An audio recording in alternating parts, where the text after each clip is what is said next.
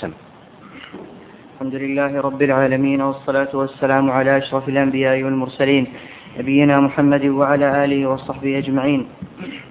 قال المؤلف الإمام أبي عثمان إسماعيل بن عبد الرحمن الصابوني غفر الله له ولشيخنا وللحاضرين أجمعين.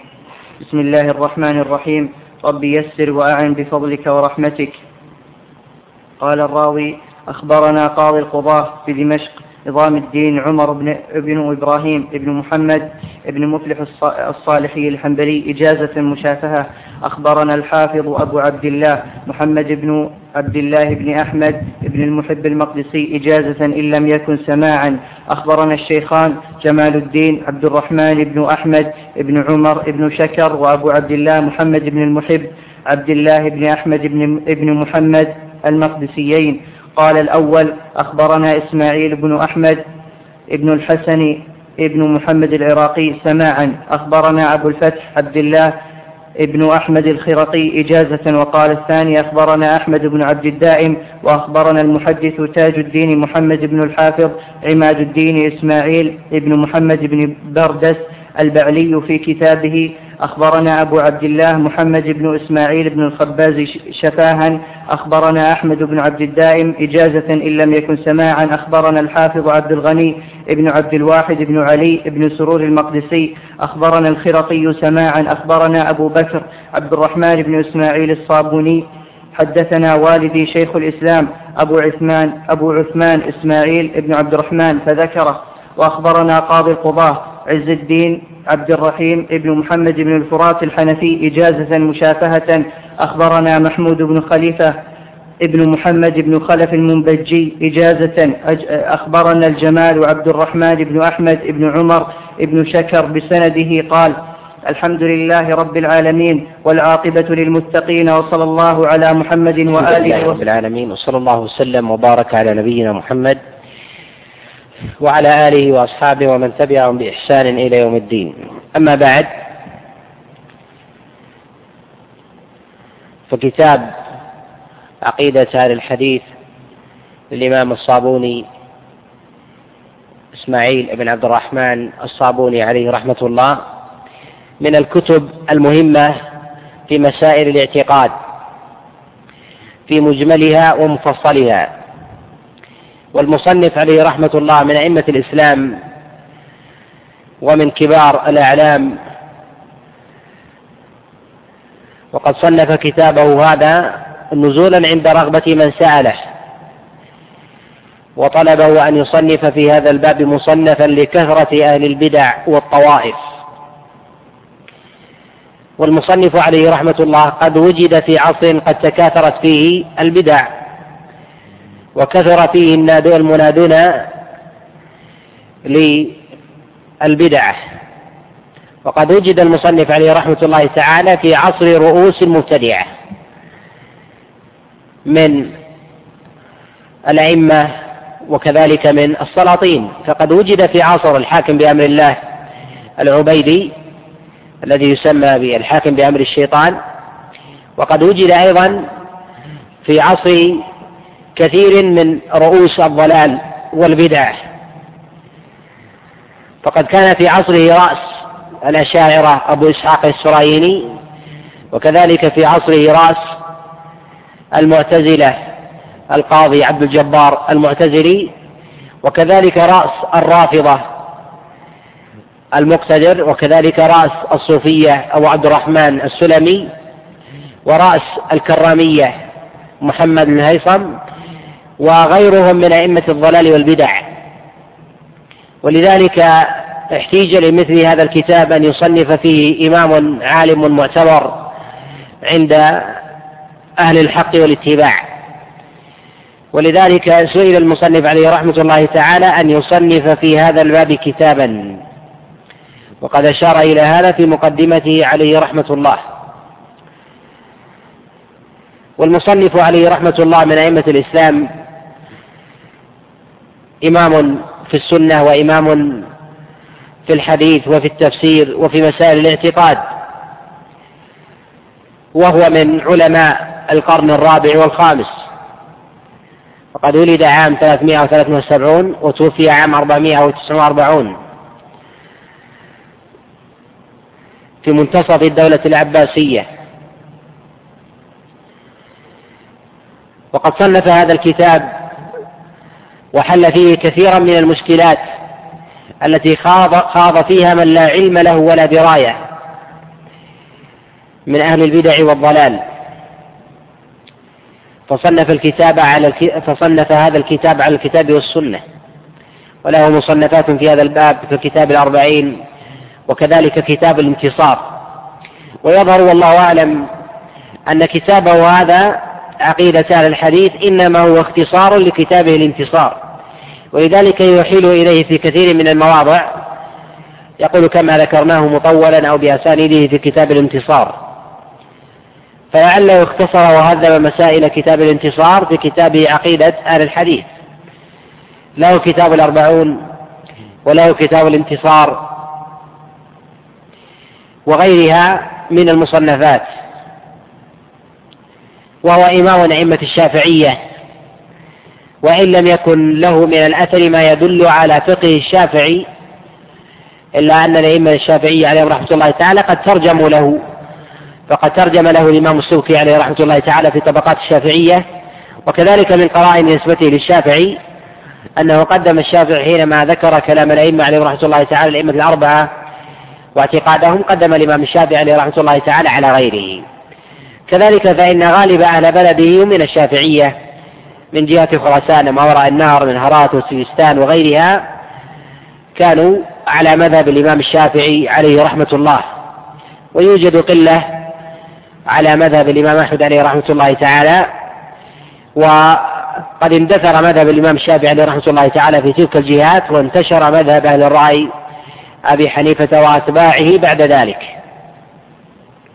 وابتدأ المصنف عليه رحمة الله تعالى كتابه هذا بالبسملة.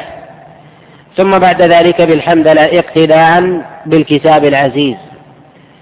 ولذلك ابتدأ الله جل وعلا كلامه ببسم الله الرحمن الرحيم. وكذلك رسول الله صلى الله عليه وسلم في مكاتباته للآفاق. ويروى عن رسول الله صلى الله عليه وسلم بخبر لا يثبت عند الخطيب البغدادي عليه رحمة الله تعالى في كتاب الأربعين وكذلك في كتابه الجامع من حديث أبي هريرة كل أمر ذي بال لا يبتدأ فيه بسم الله رواية أجزم. وجاء في سنة بن ماجه بحمد الله. وجاء في رواية أخرى بذكر الله. وهو حديث ضعيف على على أوجهه كلها.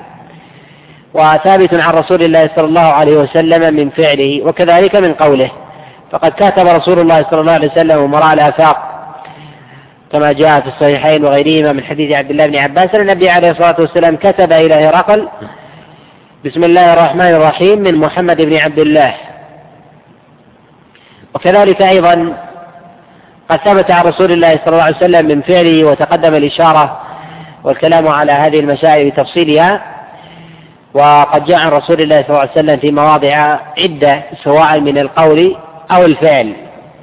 وهذا على موضع على الاستحباب لا على الوجوب ويتأكد في حق الإنسان أن يبتدئ بالبسملة في الأمور المهمة العظيمة الجليلة الذي عليها معقد الأمور وعزائمها فإنه يبتدئ فيها ببسم الله الرحمن الرحيم تيمنا وتبركا بهذه الكلمة.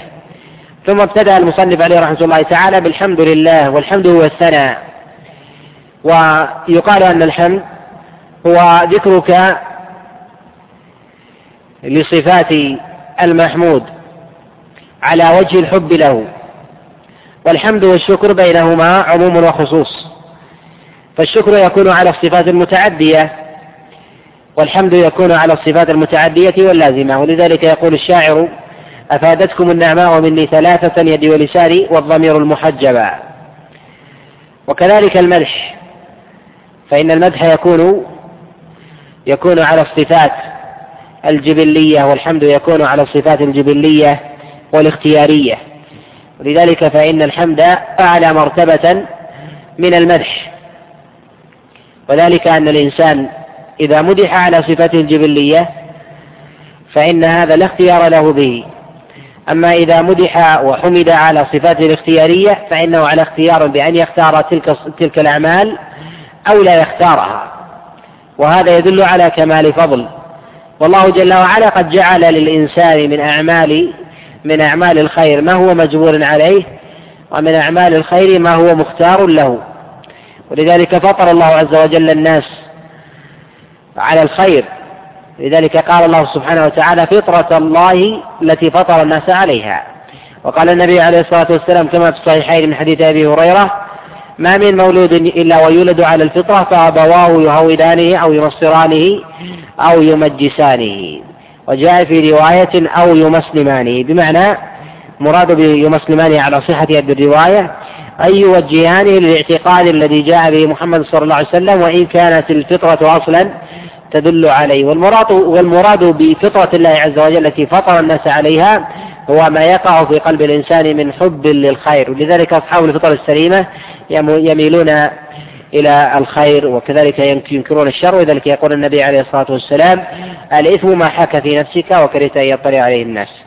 فالإنسان بطبيعته وفطرته إن لم تشبه شائبة فإنه يعرف الشر ويعرف الخير. ولذلك جعل الله سبحانه وتعالى الخير ما تدل عليه النفوس والشر ما تأباه النفوس وتنفر وتنفر منه.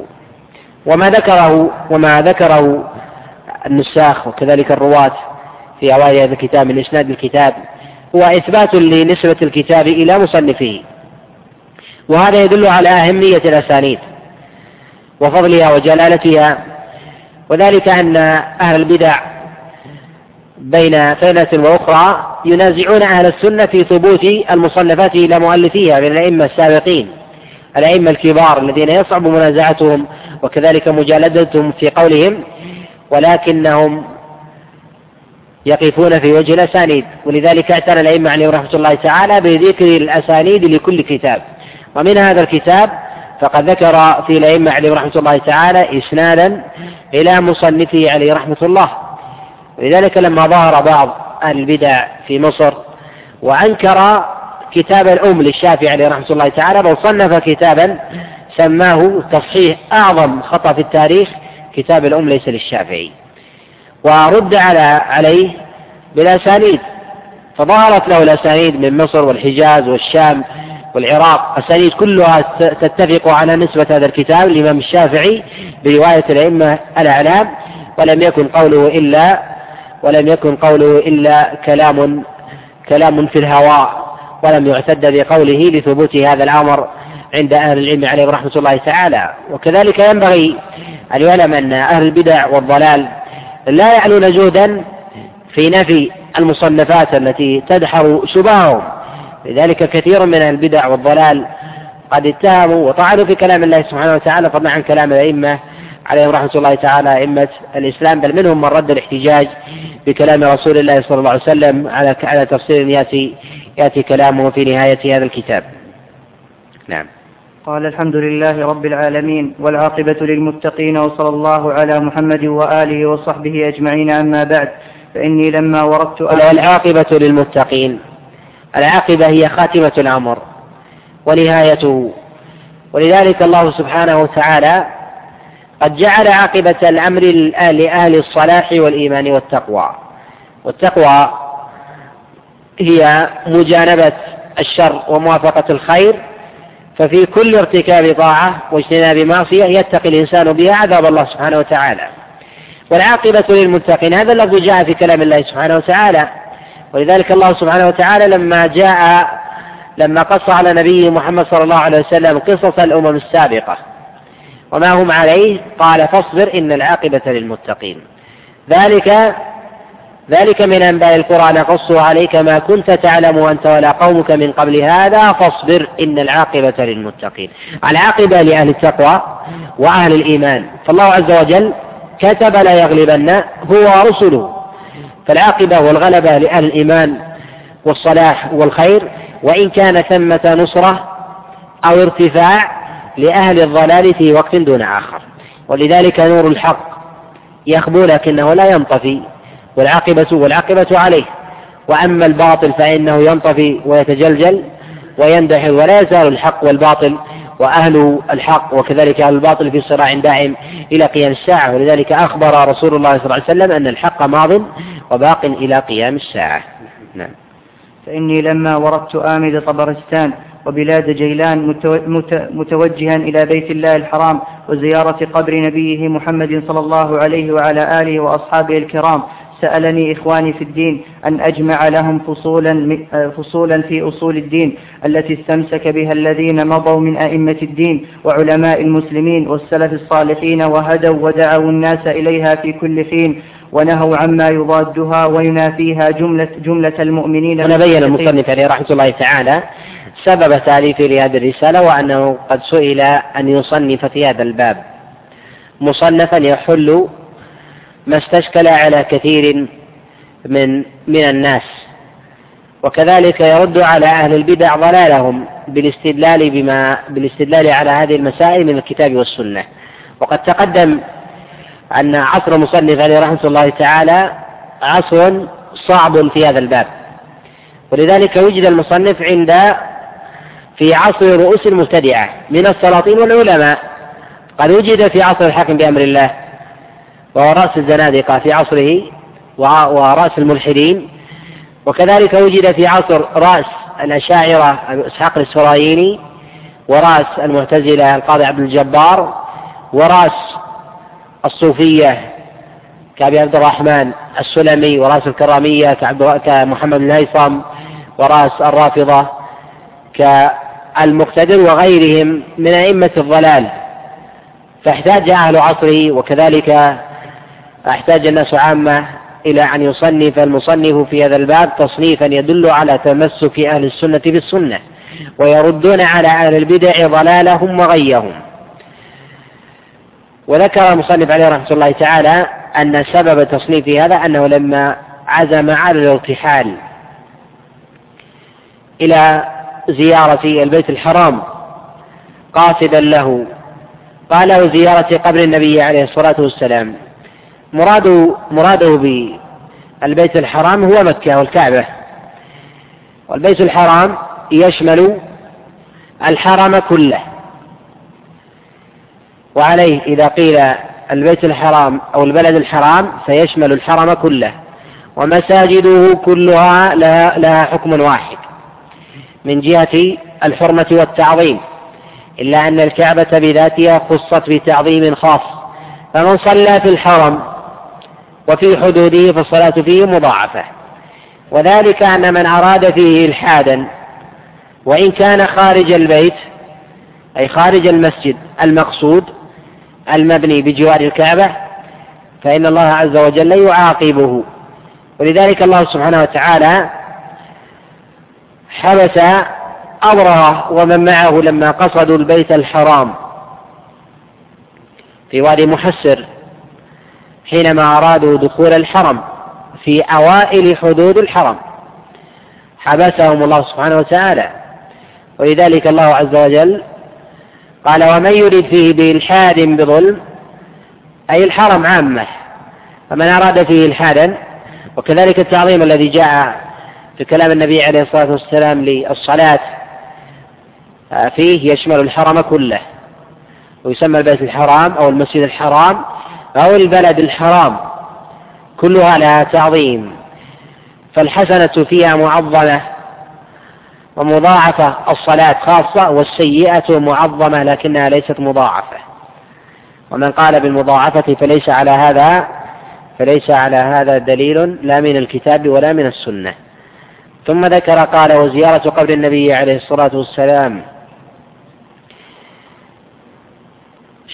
شد الرحال لغير المساجد الثلاثة. لا يجوز لقوله عليه الصلاة والسلام كما في الصحيح لا تشد الرحال إلا إلى ثلاث مساجد. مسجدي هذا والمسجد الحرام والمسجد الأقصى.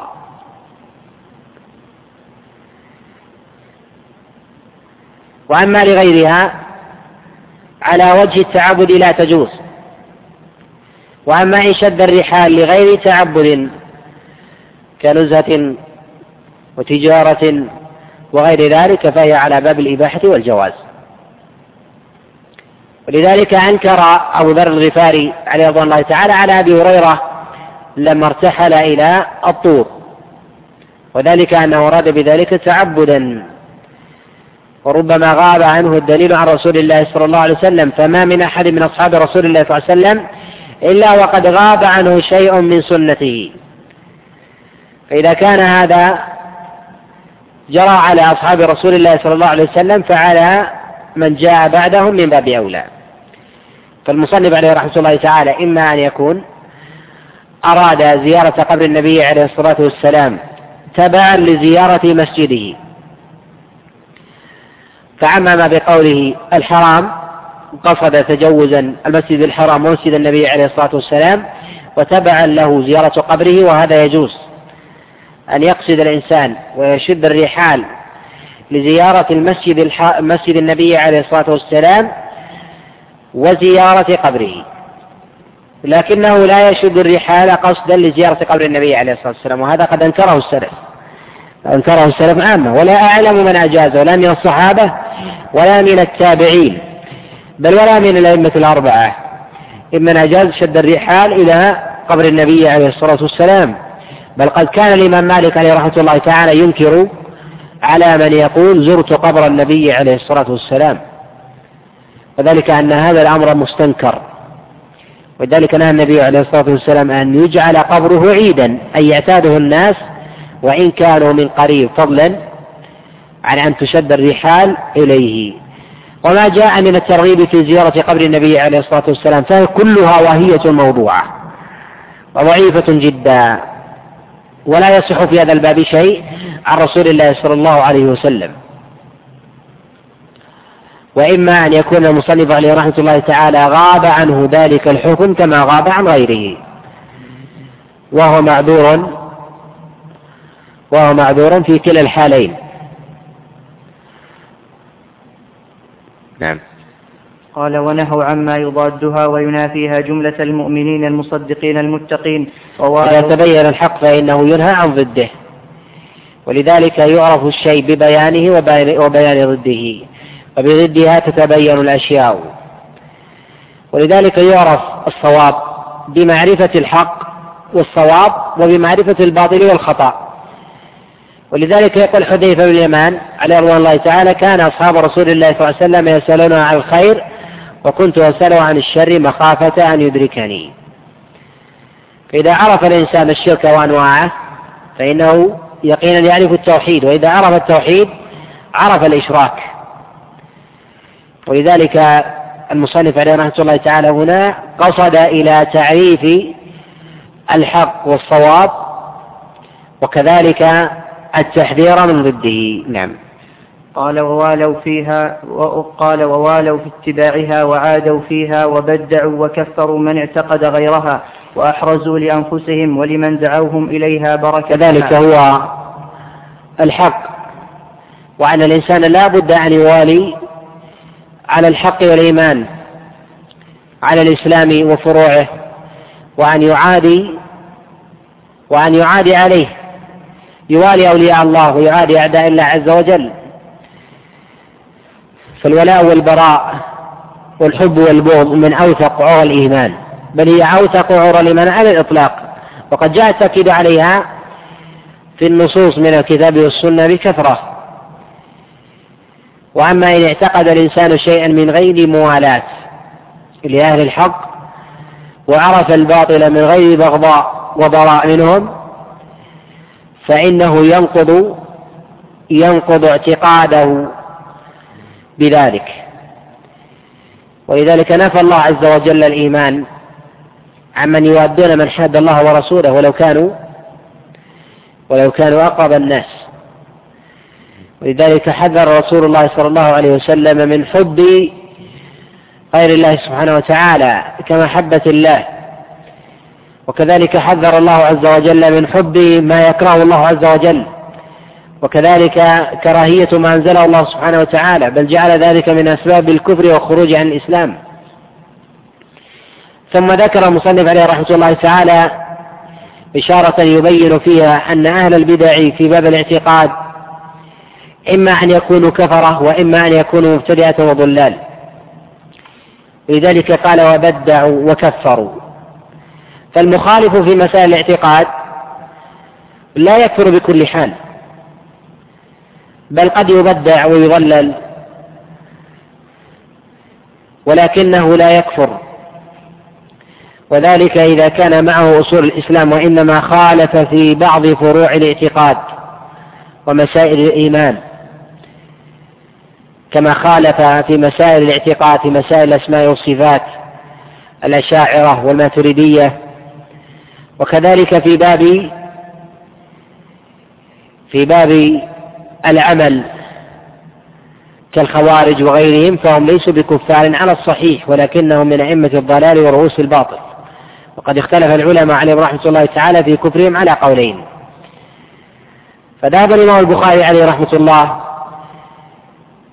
رواية عن الإمام أحمد إلى كفرهم وذهب الجمهور إلى أنهم ليسوا بكفار. وقال أبو الوفاء بن عقيل وكذلك المشهور الإمام أحمد وابن مفلح وغيرهم إلى أنهم ليسوا بكفار. وقد ذكرهم البخاري عليه رحمة الله تعالى في كتابه المرتدين.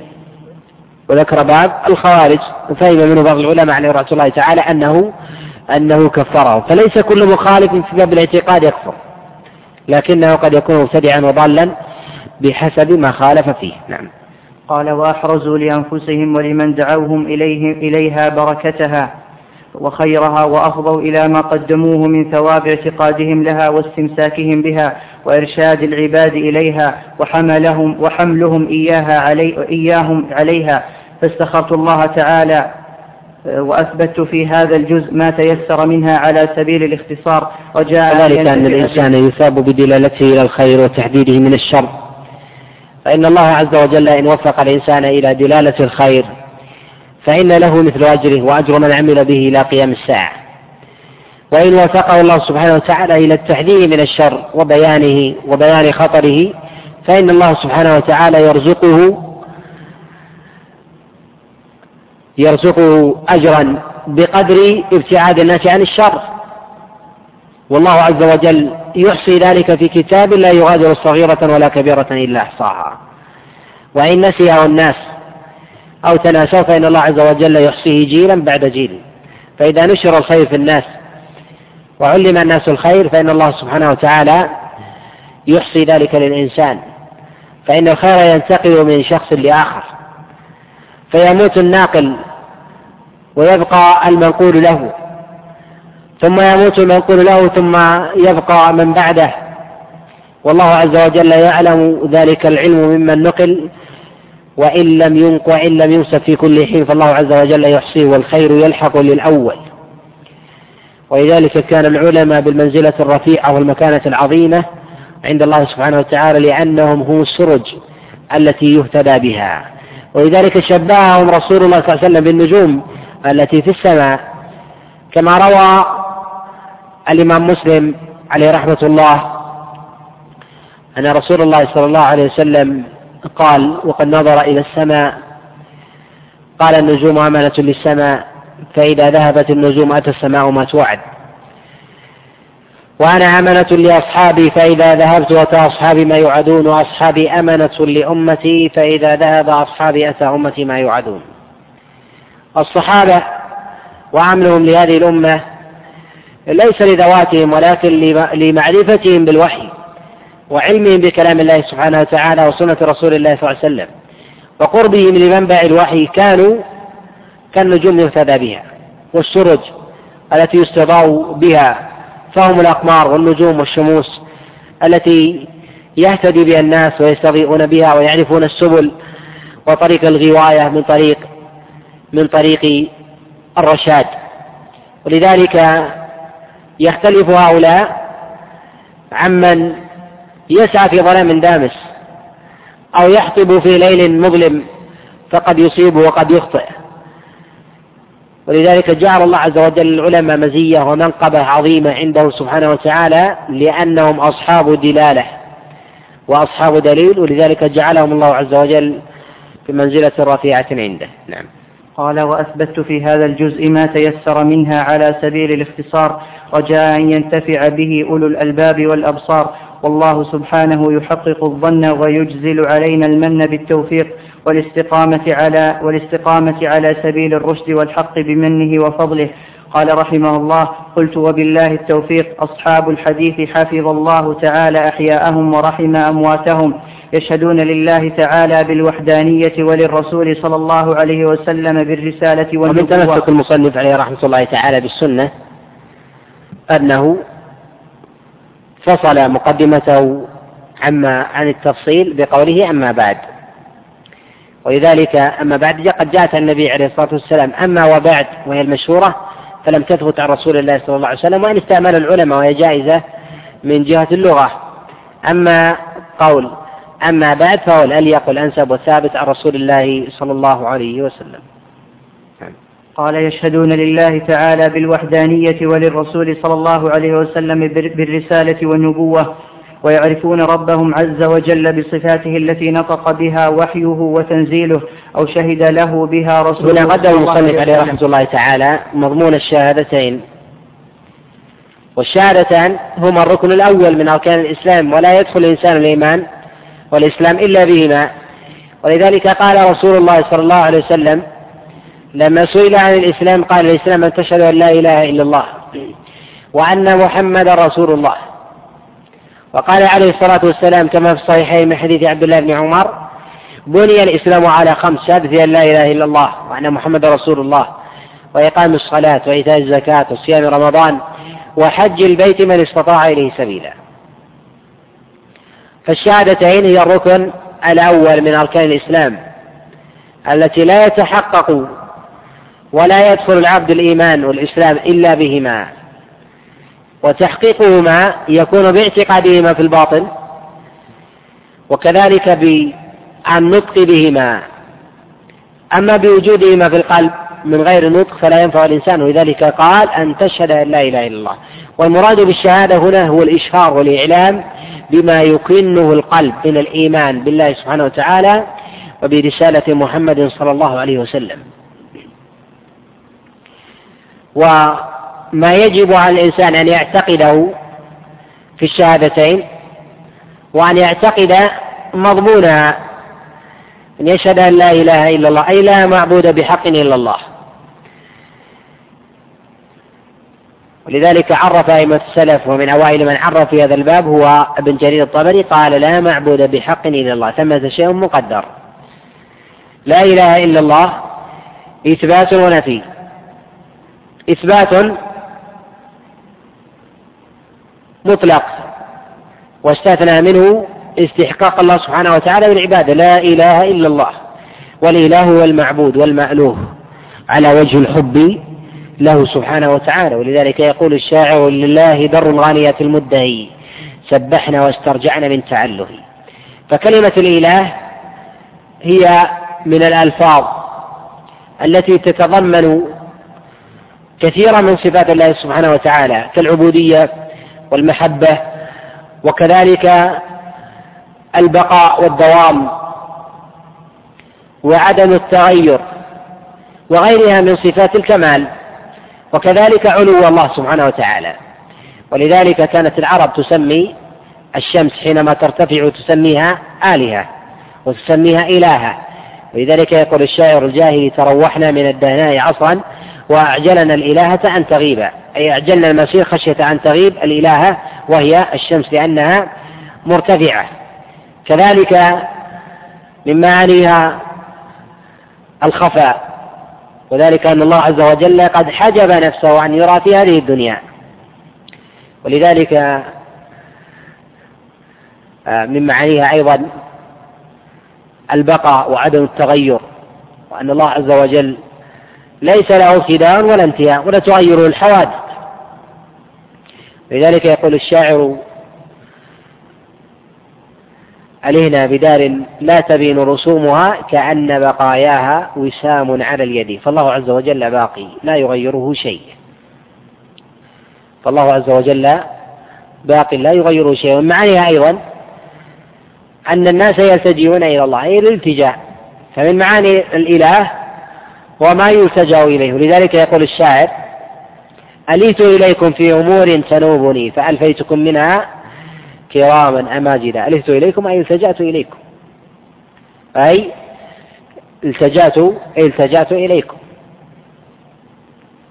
ولذلك من معاني أيضا أن الله عز وجل قد حجب نفسه أن يرى في هذه الدنيا.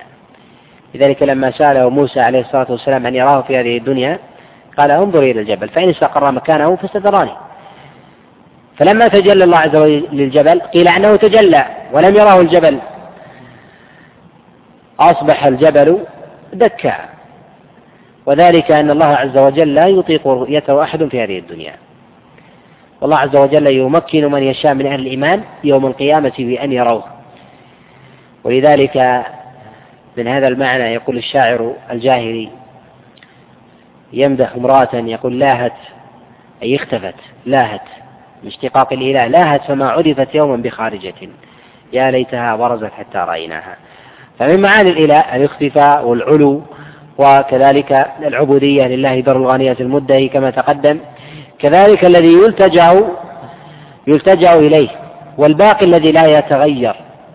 فالله سبحانه وتعالى باقي, باقي لا يتغير الحوادث. ولذلك كان كلمة الله الاسم الاسم العلم لله سبحانه وتعالى. وأسماء الله جل وعلا منها ما يختص به الله سبحانه وتعالى لا يتسمى به أحد غيره على أي وجه كان. كلفظ الجلالة الله. ومنها ما يجوز أن يتسمى به البشر لكنه على الإضافة أو على حدود ليست كتعظيم الله سبحانه وتعالى كالعزيز والعظيم والكبير. وغيرها. لذلك قال الله عز وجل امرأة العزيز. قال بعضهم إنما جاز إنما جاز ذلك إن إنه يكون على باب الإضافة. إما أن يكون ذلك ظاهرا معلوما وإما أن يكون مضافا إلى شيء يميزه عن ذلك اللفظ المنسوب لله سبحانه وتعالى. لذلك قال امرأة العزيز. فالله عز وجل ليس له زوجة ولا ولا ولد. أما إطلاق العزيز علما هكذا من غير من غير إضافة فلولا لا تنسب إلا ولا تضاف ولا ولا تقال إلا لله سبحانه وتعالى.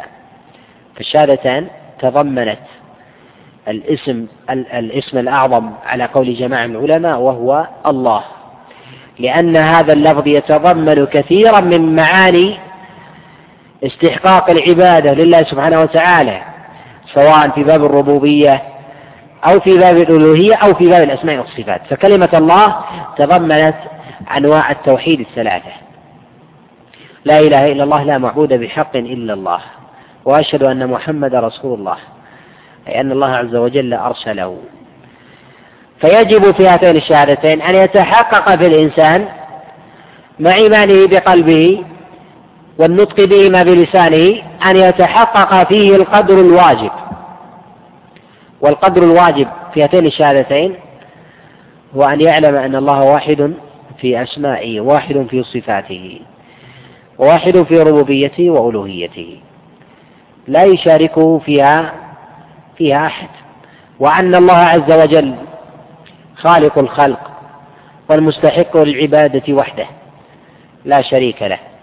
وأن الله عز وجل فرد لا ند له ولا نظير ولا شبيه. وأن محمد رسول الله أن الله عز وجل أرسله وختم به ما سبق من شرائع. وأن الله عز وجل أرسله إلى الناس كافة. وأنه يجب طاعته في كل قول وفي كل فعل. وأن الله عز وجل أرسله إلى الناس كافة. من أطاعه دخل الجنة ومن عصاه ومن عصاه دخل النار. ما عدا ذلك من تفصيل لا يجب على الإنسان أن أن أن أن يؤمن به إلا حال ورود النص فإذا ورد إليه النص وجب عليه أن يتعلمه وأن يؤمن به. أما أن يسعى إلى تعلم تفاصيل مسائل الألوهية والربوبية والأسماء والصفات فلا يجب على كل إنسان. لا يجب عليه أن يتعلم سائر أسماء الله وصفاته ولا أن يتعلم كذلك أنواع أنواع ألوهية الله سبحانه وتعالى وربوبيته. ولكنه يجب عليه أن يؤمن بالإجمال. وأما التفصيل فيؤمن حال ورود النص. فإنه إن فعل ذلك فإنه يكون قد دخل في دائرة الإيمان. نعم. قال ويعرفون ربهم عز وجل بصفاته التي نطق بها وحيه وتنزيله أو شهد له بها رسوله صلى الله عليه وسلم. نزل بها وحيه وتنزيله. يظهر المصنف عليه رحمة الله تعالى هو هو أنه جعل الوحي علما على كلام الله سبحانه وتعالى القرآن الكريم. ثم قال أو شهد بذلك رسوله. فجعل الوحي خاصا بكلام الله سبحانه وتعالى والوحي يشمل الكتاب والسنة. وهذا محل اتفاق. ولذلك يقول الله سبحانه وتعالى عن نبيه عليه الصلاة والسلام وما ينطق عن الهوى إن هو إلا وحي يوحى. فكلام رسول الله صلى الله عليه وسلم وحي. بل إن كلام رسول الله صلى الله عليه وسلم من كتاب الله. فإذا قيل كتاب الله فإنه يدخل فيه كلام الله عز وجل والسنة القرآن والسنة. ولذلك النبي عليه الصلاة والسلام لما جاءه الأعرابي وقد زنى ولده بامرأة الرجل الذي كان يعمل أجيرا عنده فقال يا رسول الله إن ابني كان عسيفا على هذا أي أجيرا له أي أجيرا عنده يعمل راعيا على الغنم. فزنى بامرأته فقيل لي على ابنك جلد مئة فقيل لي على ابنك الرجم ففديت ابني بمئة من الغنم ووليده. اقضي بيننا بكتاب الله. فقال النبي عليه الصلاة والسلام والذي نفسي بيده لأقضين بينكما بكتاب الله. فقضى النبي عليه الصلاة والسلام بقضائه معروف. قال أما الغنم والوليد فرد عليك وعلى ابنك جلد مئة وتغريب عام. واغدو يا أنيس إلى هذا فإن اعترفت فارجمها. فتغريب عام ليس في القرآن والرجم ليس في القرآن المتلو مع ذلك أقسم رسول الله صلى الله عليه وسلم قال والذي نفسي بيده لأقضين بينكم بكتاب الله. قال العلماء كتاب الله هو هو القرآن والسنة. والوحي هو القرآن والسنة. ولذلك لا زال العلماء يقولون الحمد لله منزل الوحيين. والوحيان هما كلام الله عز وجل وكلام رسول الله صلى الله عليه وسلم. بل نزل بالسنة جبريل كما نزل بالقرآن. ولذلك قد روى الخطيب البغدادي في كتابه الكفاية وفي الجامع والدارمي وأبو داود في المراسيل من حديث الأوزاعي عن حسان بن عطية أنه قال نزل جبريل على محمد صلى الله عليه وسلم بالسنة كما نزل عليه بالقرآن. فرسول الله صلى الله عليه وسلم كلامه وحي. وإذا أطلق الوحي فيشمل الكتاب والسنة. وهنا المصنف عليه رحمة الله تعالى كأنه فرق تجوزا. وذلك أن الوحي أول ما يطلق في الاصطلاح فإنه يشمل كلام الله سبحانه وتعالى. إلا أن سنة رسول الله صلى الله عليه وسلم موصوفة بالوحي وموصوفة بالإنزال. ولذلك يقول ولي الدين العراقي عليه رحمة الله تعالى في أوائل كتابه طرح التثريب قال الحمد لله منزل الوحيين.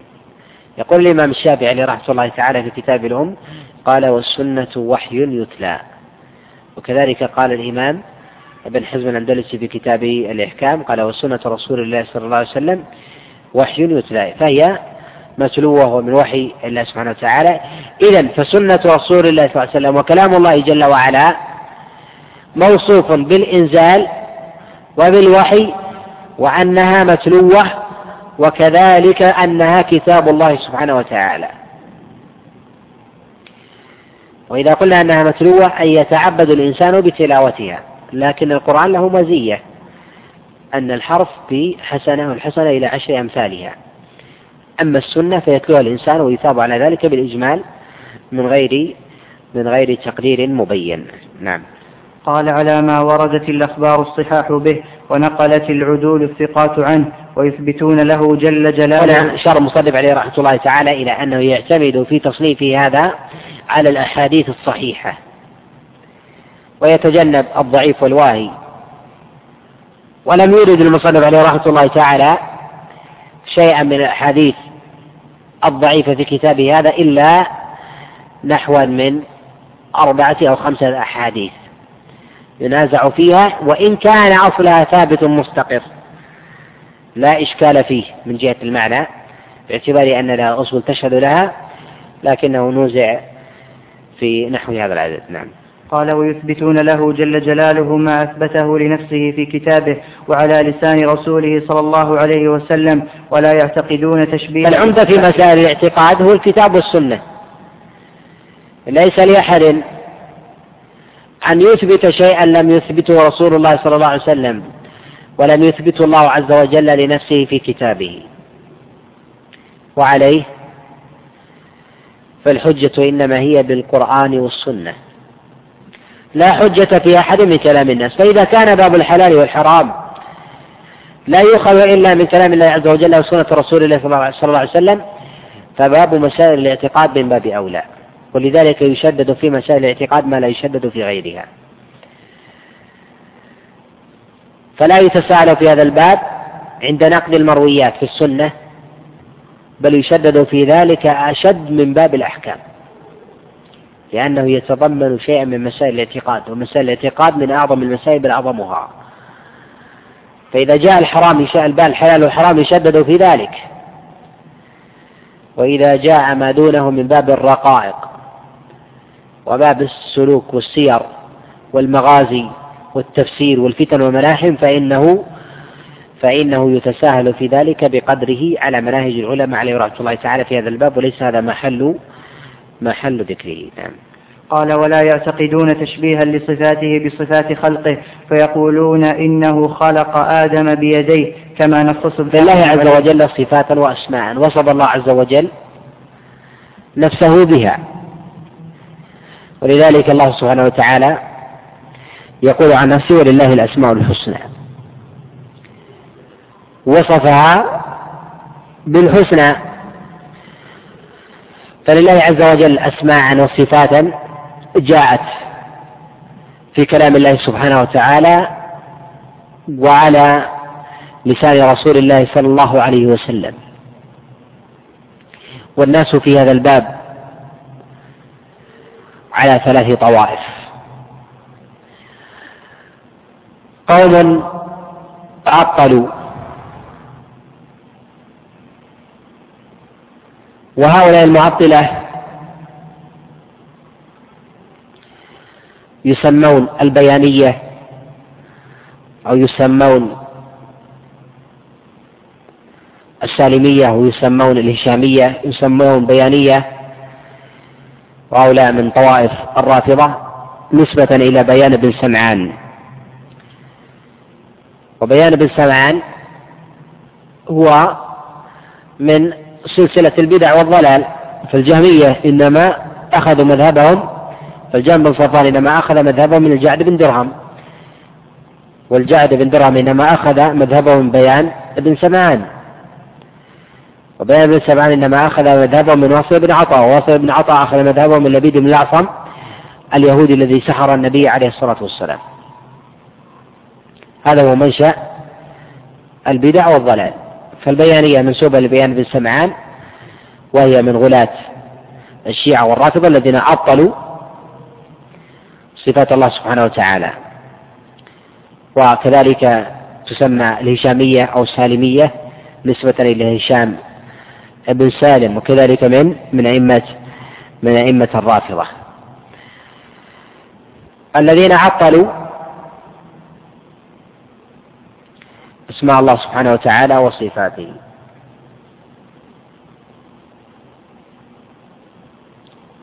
وبينهم تناوز بينه وبين المشبهة وذلك أن الجهمية قد شبهوا بكلام الله سبحانه وتعالى بأسماء الله عز وجل طوائف منهم ببعض صفات المخلوقين. والطائفة الثانية هم المعطئ هم المشبهة.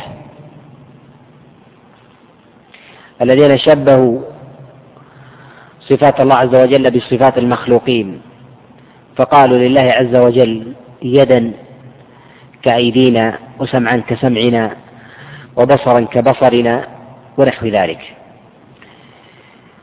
فالمعطلة والمشبهة كلهم قد تمالكهم شيء من الورع والخوف. فظلوا في هذا الباب. فالمعطلة عطلوا الأسماء والصفات وقالوا نحن حينما نثبت هذه الصفات فإننا نشبه الله عز وجل بالمخلوقين. فإذا قلنا أن الله عز وجل سميعا أو قلنا أنه السميع من أسمائه وأن له سمعا جعلنا الله عز وجل شبيها بالمخلوقين فلهم سمع. فلنعطل هذه الصفة وهذا الاسم أصلا. إذا المعطلة شبهوا قبل أن يعطلوا. فكل معطل مشبه وليس كل مشبه معطل. ولذلك أشد خطر المعطلة من المشبهة لأنهم قد وقعوا في المنكرين. فهم لم يعطلوا إلا وقد استقر في أذهانهم وإن لم ينطقوا التشبيه. فلو انتفى التشبيه في أذهانهم لما عطلوا. وأما مذهب أهل الحديث هو الذي أشار إليه المصنف عليه رحمة الله تعالى هنا وأنهم يثبتون أسماء الله عز وجل وصفاته له كما جاءت. فمن عطل عطل صفات الله سبحانه وتعالى وقال ليس له سمع ولا بصر فهؤلاء مكذبون لكلام الله سبحانه وتعالى. معارضون لنصوص الوحي من الكتاب والسنة ولكنهم أرادوا تنزيها. ولكن أهل الحديث وأهل السنة يثبتون لله عز وجل اسماء وصفاتا كما جاءت في الكتاب والسنة من غير من غير تشبيه ولا تمثيل ولا تكييف. فليس لله عز وجل ند ولا نظير. والله عز وجل قد أثبت لنفسه أسماء وصفاتا ولكن ليس كمثل شيء. قال الله عز وجل ليس كمثله شيء وهو السميع البصير. نعم. قال فيقولون إنه خلق آدم بيديه كما نص سبحانه عليه في قوله عز من قائل قال يا إبليس ما منعك أن تسجد, أن تسجد لما خلقت بيدي؟ ولا يحرفون الكلم عن مواضعه بحمل اليدين على النعمتين أو القوتين تحريف المعتزلة الجهمية أهلكهم الله ولا ولا يكيفونها بكيف أو شبهها أو, أو شبهها أو شبهها بأيدي المخلوقين تشبيه المشبهة خذلهم الله. وقد أعاد الله تعالى أهل السنة. وهذا إشارة بالمصنف عليه رحمة الله تعالى لطوائف البدع في هذا الباب ومثل لذلك بصفة اليد لله سبحانه وتعالى. والله عز وجل له يدان.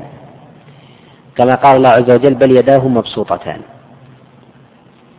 وأما أهل البدع على اختلافهم منهم من نفى هذه الصفة بالكلية وأراد بذلك تنزيها لله عز وجل أن يحتاج إلى يد. وقالوا أن نشبهه بالمخلوقين قلنا أن له يد. ومنهم من أثبتها وأولها وقال يد كيدي. ويد كيد المخلوقين ونحو ذلك. ومن شبهها أو من أول هذه الصفة إلى تأويل آخر فإنهم أولوها على معنيين. المعنى الأول قالوا أن اليد المراد بها النعمة. فالمراد بنعمة الله. قال لما خلقت بيدي أي بنعمتي. التأويل الثاني قال القدرة. قال لما خلقت بيدي أي بقدرتي. وأهل السنة يثبتون لله عز وجل يدا على الحقيقة تليق بجلال الله عز وجل وعظيم سلطانه من غير تشبيه ولا تكييف ولا تمثيل. ولله عز وجل يدان. فمن قال أنها نعمة أو قدرة فإنه يرد عليه بقوله سبحانه وتعالى بل يداه مبسوطتان فلماذا ثناها الله جل وعلا؟ فلو كانت بالقدرة واليد فلماذا تكون قدرتان؟ أو تكون نعمتان فنعم الله عز وجل لا تحصى. وأهل السنة يثبتون ذلك ويجعلونه مضطردا في كل أسماء الله عز وجل وصفاته. وهذه الصفة هي صفة اليد. تجمع على أيدي. ويأتي نحوا منها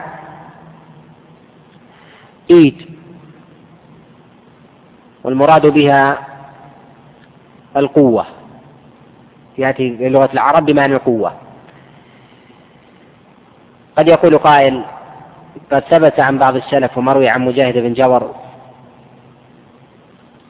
قول الله سبحانه وتعالى والسماء بنيناها بأيد. قال المراد بذلك القوة. يقال هل هذا تأويل لهذه الصفة أم لا؟ أولا آيات الصفات التي جاءت في كلام الله سبحانه وتعالى لم يرد عن الصحابة أو عن التابعين تأويلا لشيء. أو ما يقال أنه تأويل لصفة إلا في سبعة مواضع. هذا أحدها ولعله يأتي الكلام على على الباقي. ثبت عن مجاهد بن جبر أنه قال في قول عز وجل السماء بنيناها بأيد. قال بالقوة. هل هذا تأويل أم لا؟ هذا ليس بتأويل قد يقول قائل لماذا ليس بتأويل فإنه لم يقل أنها يد. الجواب أن مجاهد بن جبر حينما قال بأيد أنها المراد بها القوة أنه لم يجعل هذه الآية من آيات الصفات أصلا وإلا فهو يثبت اليد في تفسير آخر في قوله سبحانه وتعالى بل يداه مبسوطتان ولما خلقت بيدي. فهو يثبت اليد في مواضع أخرى لكن في هذه الآية لا يجعلها صفة حتى يؤولها ولا يرى أنها لا يرى أنها من الصفات. كقول بعض السلف عند قول الله سبحانه وتعالى يوم يكشف عن ساق. قالوا عن شدة. تقول العرب كشفت الحرب عن ساقها أي عن شدتها. هل هذه من آيات الصفات؟ يقال اختلف العلماء في هذه الآية هل هي من آيات الصفات أم لا؟ لا يقال أنه اختلف السلف في هذه الصفة فمن مؤول ومن غير مؤول. ولكن اختلفوا هل هي من آيات الصفات أم لا؟ وفرق بين التقريرين. فمن العلماء من قال أنها من آيات الصفات وأثبت الساق. ومنهم من قال أنها ليست من آيات الصفات أصلا فحملها على معنى آخر. أما من قال من المبتدعة أن اليد النعمة فهو يثبت أنها من باب الصفة لكنه يؤولها وهذا فرق بين بين هذه المسألة والتي والتي سبقت. فقد يحتج بعض المبتدعة بقول مجاهد بن جبر مثله وهو من أئمة التابعين وأئمة المفسرين في قول عز وجل السماء بنيناها بأيد. قال المراد بها القوة. أنه أول. يقول لم يؤول هو لم يرى أصلا أنها آية آية صفات. ونظير هذا كما جاء معنا في مسألة الساق. وكذلك في جهة القبلة فأينما تولوا فثم وجه الله. جاء عن بعض السلف وروي كذلك عن مجاهد أي قبلة الله. قالوا هل هو ينفي الوجه؟ ولا ينفي الوجه يثبته في آية, في آية أخرى. هو لا يرى أن هذه الآية هي آية صفات أصلا وإنما يرى أنها من باب آخر. فلو كانت فلو كانت من آية الصفات لأثبتها وأقرها كما جاءت. إذا يحذر من مداخل البدع في أمثال هذه الآيات ويعلم جوابها. نعم. قال وقد أعاذ الله تعالى أهل السنة من التحريف والتشبيه والتكييف ومن عليه التحريف هو التغيير عن المعنى المتفق عليه. وهذا وقع فيه المبتدعة من الجهمية وغيرهم حينما حرفوا الاستواء إلى الاستيلاء. ولذلك قال الله سبحانه وتعالى استوى على العرش. أهل السنة أمروه كما جاء. وهذا نحن نريد أن نمثل تحريف أهل البدع للنصوص. قال الله عز وجل استوى على العرش. ماذا قال الجهمية؟ قال استولى فزادوا اللام. وهذا من باب التحريف. كما حرف اليهود حينما قال الله عز وجل ادخلوا الباب سجدا وقولوا حطة. نغفر لكم خطاياكم. ماذا قالوا؟ قالوا حنطة. قال العلماء فثمة تشابه بين نون اليهود ولام الجهمية. فكلهم قد وقعوا في التحريف. فشابهت الجهمية فشابهت الجهمية اليهود. فهذا هو التحريف. فحرفوا المعنى بتحريف اللفظ. حرفوا اللفظ ثم حرفوا المعنى واستدلوا له ببعض أشعار العرب قالوا ثم استوى كما قال الأخطل ثم استوى بشر على العراق من غير سيف ولا دم مهراق قالوا ثم استولى استوى بشر استولى الأخطل نصراني وهل يكون كلامه مفسر يعني يفسر استواء الله عز وجل على ما يخالف الكتاب والسنة وكلام السلف من الصحابة والتابعين الاستواء معناه يأتي في كلام الله عز وجل بمعنى الارتفاع وبمعنى العلو وبمعنى القصد. هذه معاني الاستواء. بمعنى الارتفاع والعلو قال الله سبحانه وتعالى استوى على العرش أي على على عليه. وبمعنى القصد قال الله سبحانه وتعالى هو الذي خلق لكم ما في الأرض جميعا ثم استوى إلى السماء أي قصد السماء.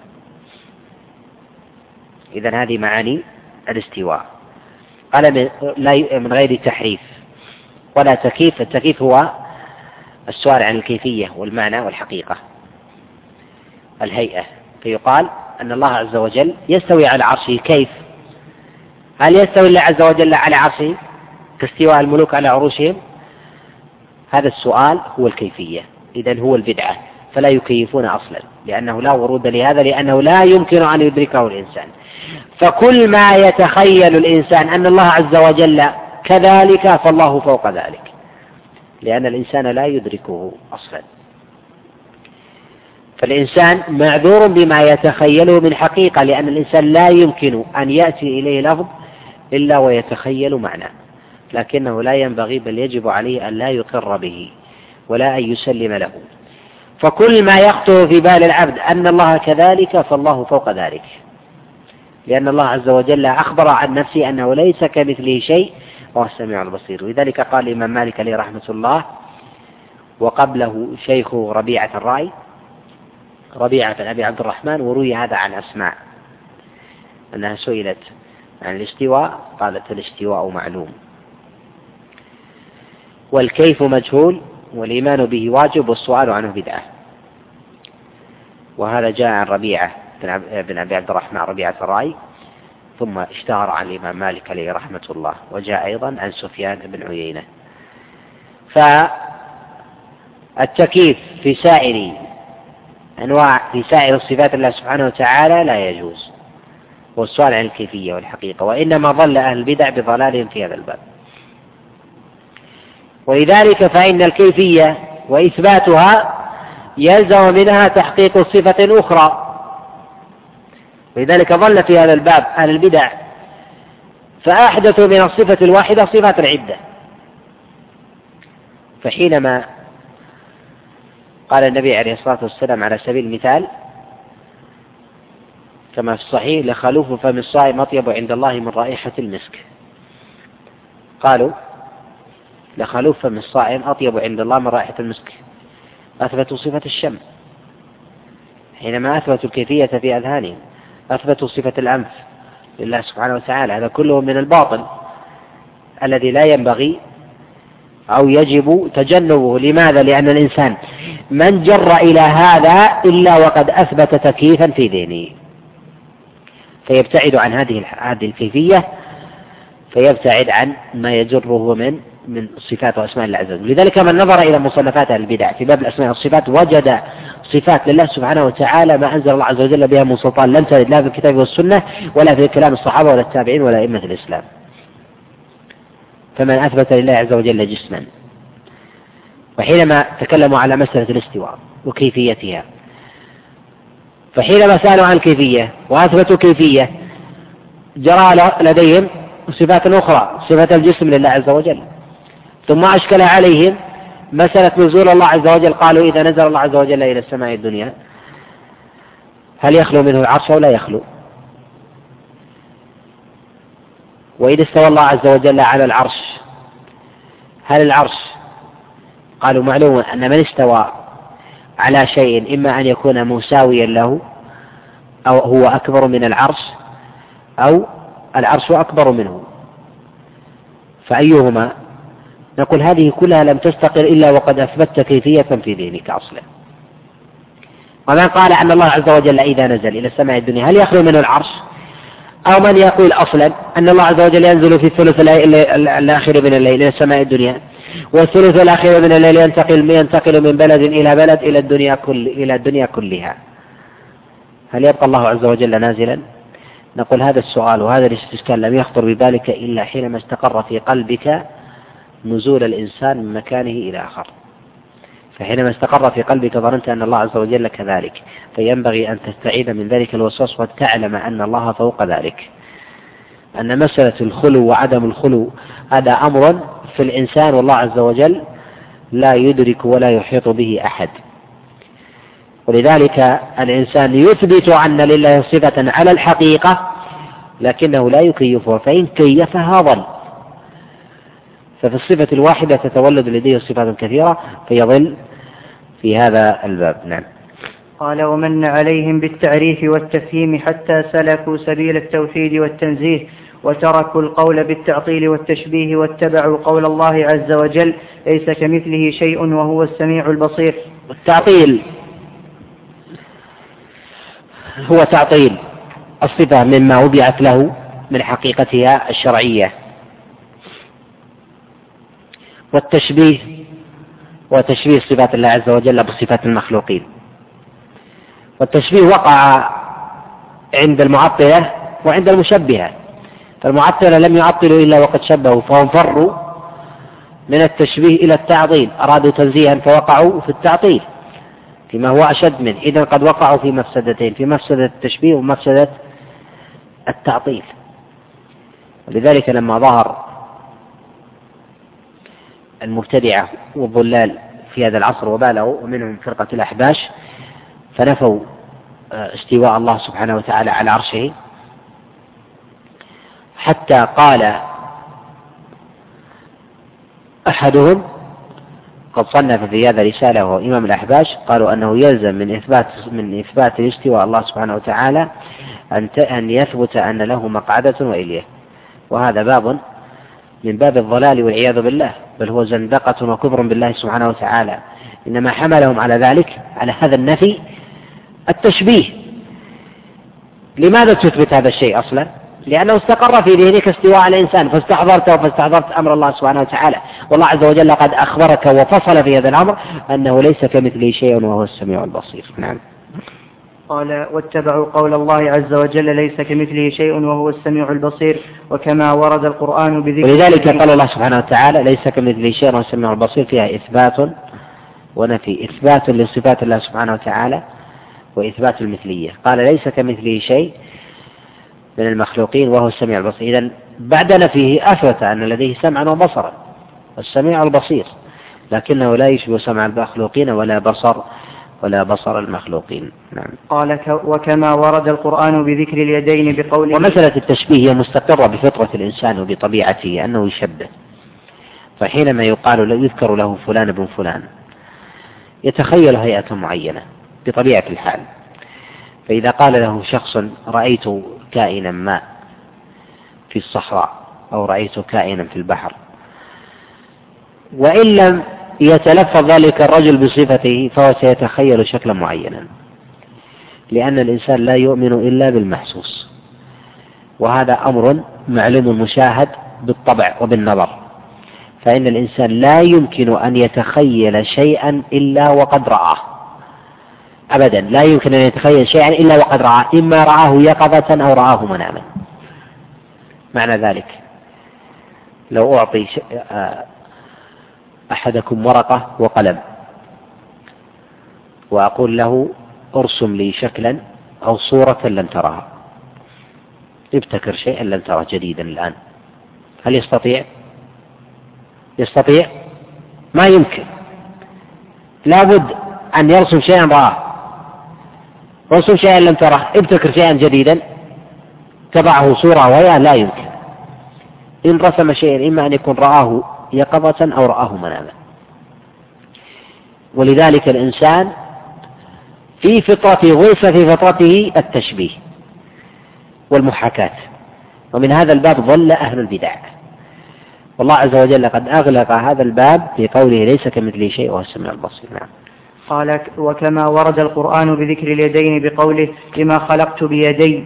وقوله بل يداه مبسوطتان ينفق كيف يشاء. ووردت الأخبار الصحاح عن رسول الله صلى الله عليه وسلم بذكر اليد كخبر محاجة موسى وآدم وقوله له خلق خلقك الله بيده وأسجد لك ملائكته ومثل قوله صلى الله عليه وسلم وقوله هنا خلقك الله بيده المراد باليد الجنس. المراد باليد الجنس. والله عز وجل خلق الفردوس بيده وخلق السماوات والأرض بيده. المراد باليد الجنس الجنس هنا واليد والله عز وجل يدان كما قال الله سبحانه وتعالى بل يداه مبسوطتان فالتثنية بذاتها هي التي لا تقبل أقل من ذلك ولا أكثر من ذلك. لكن لو قيل جنس بيدي قد تكون يد واحدة أو تكون أكثر من ذلك. وإذا قيل بأيدي تكون أكثر من ذلك لكنه لا حصر لها. أما إذا كانت تثنية فلا تتجاوز لا تقل ولا تزيد فيقال الله عز وجل يدان. نعم. ومثل قوله صلى الله عليه وسلم لا أجعل صالح ذرية من خلقته بيدي كمن خلقت له كمن كمن قلت له كن فكان. وقوله صلى الله عليه وسلم خلق الله الفردوس بيده. وكذلك يقولون ذلك أمر الله سبحانه وتعالى للمخلوقات بكن أي كن كذا سيكون. ولذلك الكلمة التي ألقاها الله عز وجل على مريم كن فكان. أي كن في رحمها فكان فكان بشرا سويا. ولذلك عيسى ابن مريم عليه الصلاة والسلام كان بكن وليس هو كن. إنما كان بكن. أي كون بهذه الكلمة وليس هو هذه الكلمة. فلو كلمة ألقاها إلى مريم وروح منه. قال قالوا فكان بكن وليس هو كن. نعم قال وكذلك يقولون في جميع الصفات التي نزل بذكرها القرآن ووردت به الأخبار الصحاح من السمع والبصر والعين والوجه والعلم والقوة والقدرة والعزة والعظمة والإرادة والمشيئة, والمشيئة والقول والكلام والرضا والسخط والحب والبغض والفرح والضحك. قال وكذلك يقولون في جميع الصفات التي نزل بذكرها القرآن ووردت به الأخبار الصحاح من السمع والبصر والعين والوجه. السمع في قول الله سبحانه وتعالى ليس كمثله شيء وهو السميع البصير وهذا دليل على سمع الله سبحانه وتعالى وعلى بصره. نعم. قال من السمع والبصر والعين والوجه. والعين. الله عز وجل قد أثبت لنفسه صفة العين كما قال الله سبحانه وتعالى تجري بأعيننا. لكن هنا مسألتان مهمتان في هذا الباب. المسألة الأولى كم لله عين؟ هل ورد في الشرع دليل على هذا؟ جاء النبي عليه الصلاة والسلام أنه قال أن الدجال أعور والله عز وجل ليس بأعور. وفي لغة العرب نفي العور عن شخص يدل على أن له عينين. فأثبت العلماء عليهم رحمة الله تعالى من هذا الوجه أن لله عز وجل عينان. ومنهم من لم يطلق وهذا قول لأهل السنة.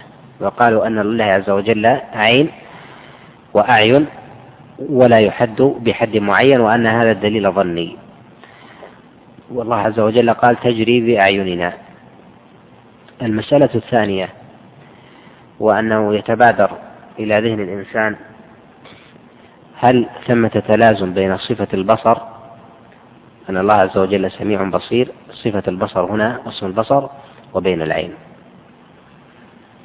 هل يقال أن الله عز وجل يبصر بعينه؟ يتبادر إلى ذهن الإنسان هذا. لكن هل هل ورد في الشرع تلازم بين البصر والعين؟ لم يرد فيما أعلم في هذا نص فيقال تجرى النصوص على ما هي عليه أن الله عز وجل بصير وله بصر. ولله عز وجل عين.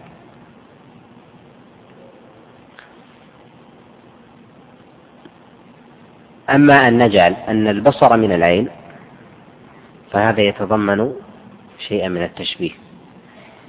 ولم نجمع بين الصفتين ونجعله متلازمتين إلا وقد استقر في نفوسنا تشبيها.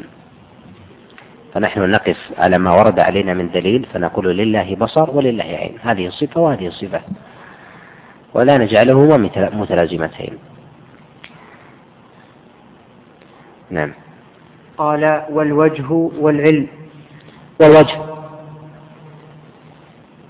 أثبته الله عز وجل لنفسه. كل شيء هالك إلا وجهه.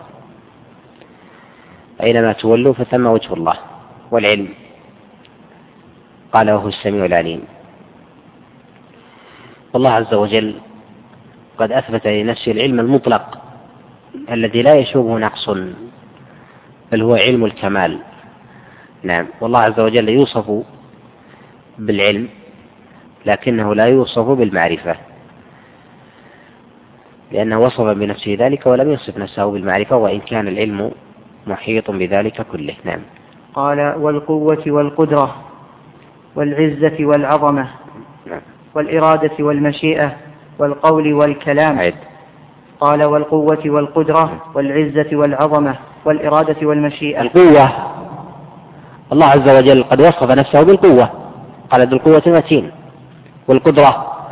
قد جعل الله عز وجل لنفسه قدرة وجاء في هذا آيات وأحاديث عن رسول الله صلى الله عليه وسلم.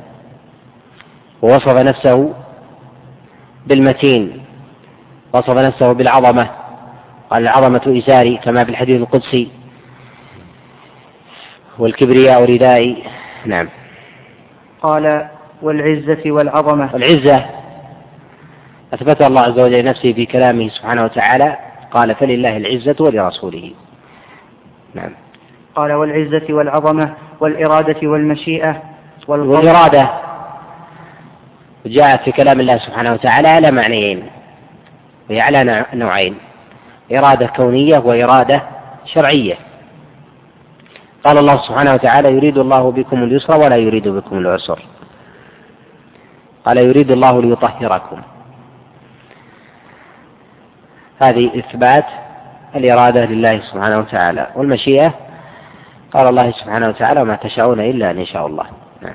قال والقول والكلام والقول الله عز وجل أثبت لنفسه قولا وكلاما. قال الله سبحانه وتعالى وإذ قال الله يا عيسى إني متوفيك إلى آخر الآيات. والكلام كلام الله سبحانه وتعالى وإن أحد من المشركين استجارك فاجره حتى يسمع كلام الله. هل القول هو الكلام؟ يمسك عن ذلك. نعم. قال والرضا والسخط الله عز وجل أثبت لنفسه صفة الرضا. قال الله سبحانه وتعالى رضي الله عنهم ورضوا عنه. وأثبت السخط وحلول غضبه على الكفار أن سخط الله عليهم. نعم. قال والحب والبغض. يحبهم ويحبونه. وهذا من صفات الله سبحانه وتعالى فهو يحب ويحب. وكذلك لله عز وجل صفة البغض فهو يبغض أعداءه. وقد جاء في هذا أحاديث كثيرة نعم. قال والفرح والضحك وغيرها. وذلك قال النبي عليه الصلاة والسلام الله أشد فرحا بتوبة عبده. في قصة في القصة المشهورة. والضحك. ولذلك قال النبي عليه الصلاة والسلام يضحك الله من رجلين يقتل أحدهما الآخر في وكلاهما يدخل الجنة نعم. قال من غير تشبيه لشيء من ذلك بصفات المربوبين. المصنف عليه رحمة الله تعالى هنا أراد أن يمثل ببعض الصفات لله سبحانه وتعالى وإلا فصفات الله عز وجل كثيرة عديدة وكثرة الصفات تدل على عظمة الخالق سبحانه وتعالى. معلوم أن الإنسان إذا كثرت صفاته دل على جلالة قدره ومكانته وسيادته في قومه. والله جل وعلا قد جعل له من صفات المحامد والمناقب الكثيرة والأسماء الجليلة ما يدل على كماله سبحانه وتعالى المطلق من كل الوجوه. وأراد المصنف عليه رحمة الله تعالى هنا أن يبين أن أهل السنة يثبتون هذه الصفات. يمرونها كما جاءت من غير تشبيه ولا تمثيل ولا تحريف ولا تعطيل خلافا لأهل البدع الذين تقدم الكلام عليهم. نعم. قال من غير تشبيه لشيء من ذلك بصفات المربوبين المخلوقين بل ينتهون فيها إلى ما قاله الله تعالى وقاله رسوله صلى الله عليه وسلم. فرحم الله امرأ انتهى إلى ما قد سمع. فالإنسان يمر النصوص كما جاءت من غير تحريف ولا تعويل ولا تمثيل. فإنه إن أمرها كما جاءت فإنه قد سلم. وإذا اضطرب يمنة ويسرة بتأويل أو تعطيل أو تشبيه فقد وقع في البدعة والضلال. نعم. قال من غير زيادة عليه ولا إضافة إليه ولا تكفي ولا تكييف له ولا تشبيه ولا تحريف ولا تبديل ولا تغيير ولا إزالة اللفظ ولا إزالة للفظ ولا إزالة للفظ الخبر عما تعرفه العرب. وتضعه عليه بتأويل منكر يستنكر ويجرون ويجرون على الظاهر ويكلون علمه إلى الله تعالى ويقرون بأن تأويله لا يعلمه إلا الله كما أخبر الله عن الراسخين في العلم أنهم يقولونه في قوله تعالى والراسخون في العلم يقولون آمنا به كل من عند ربنا وما يذكر إلا لذلك قال العلماء أن الأسماء والصفات أن الأسماء والصفات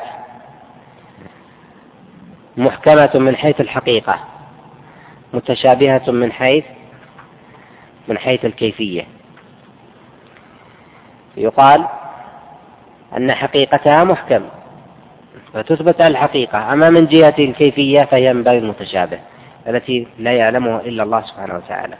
هل يقال يعلم الراسخون من أهل العلم؟ لا. لا يعلم الراسخون من العلم لأن الله عز وجل استأثر بعلمها عنده لأنه قال ليس كمثله شيء فلو علمها أحد من الناس لعلم لا أخبر الله عز وجل بذلك نعم قال ويشهد أهل الحديث ويعتقدون أن القرآن كلام الله وكتابه بركة.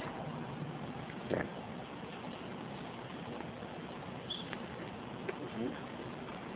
إشكال يا إخوان نعم.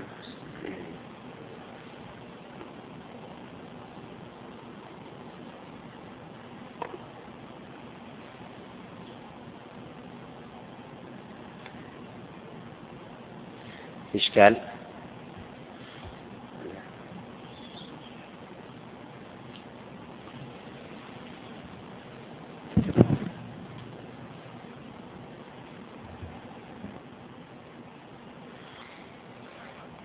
يقول ما تقول في بعض الناس الذين يعتقدون أن الله حال أو موجود في كل مكان ويستندون بذلك إلى قول الله عز وجل ومعهم أينما كانوا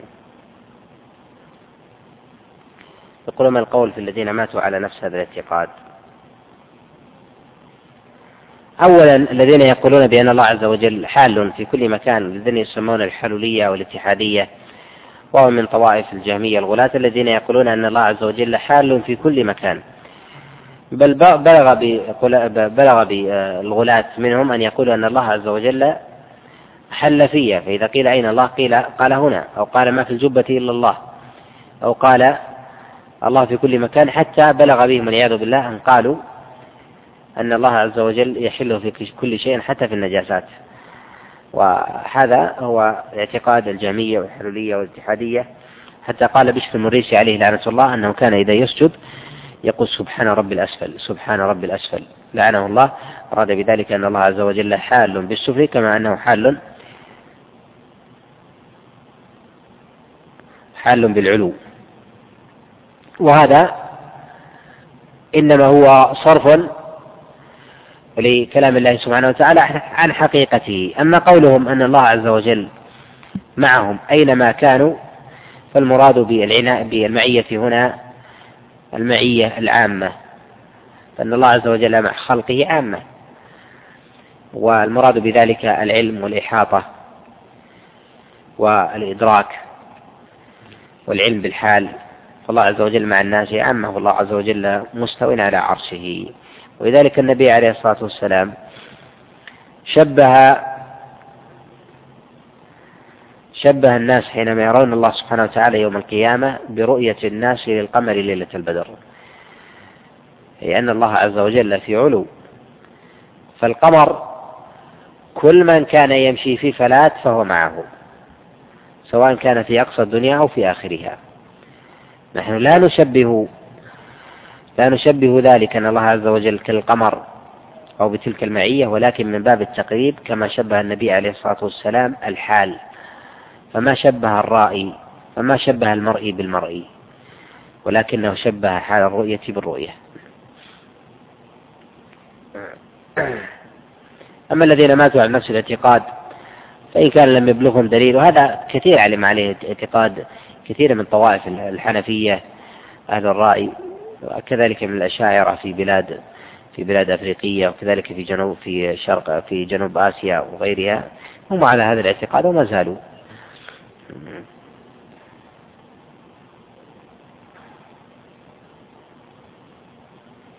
يقول كيف نفرق بين الذين خالفوا في بعض مسائل الاعتقاد ومن كفر مع أنه يقيم بعض شعائر الإسلام الظاهرة مثل الصلاة ومن يطلبون المدد من غير الله؟ من يطلب المدد من غير الله ويطلب شيئا لا يقدر عليه إلا الله. هذا في شبه من المشركين من كفار قريش فهو كافر بالله سبحانه وتعالى بهذا الفعل.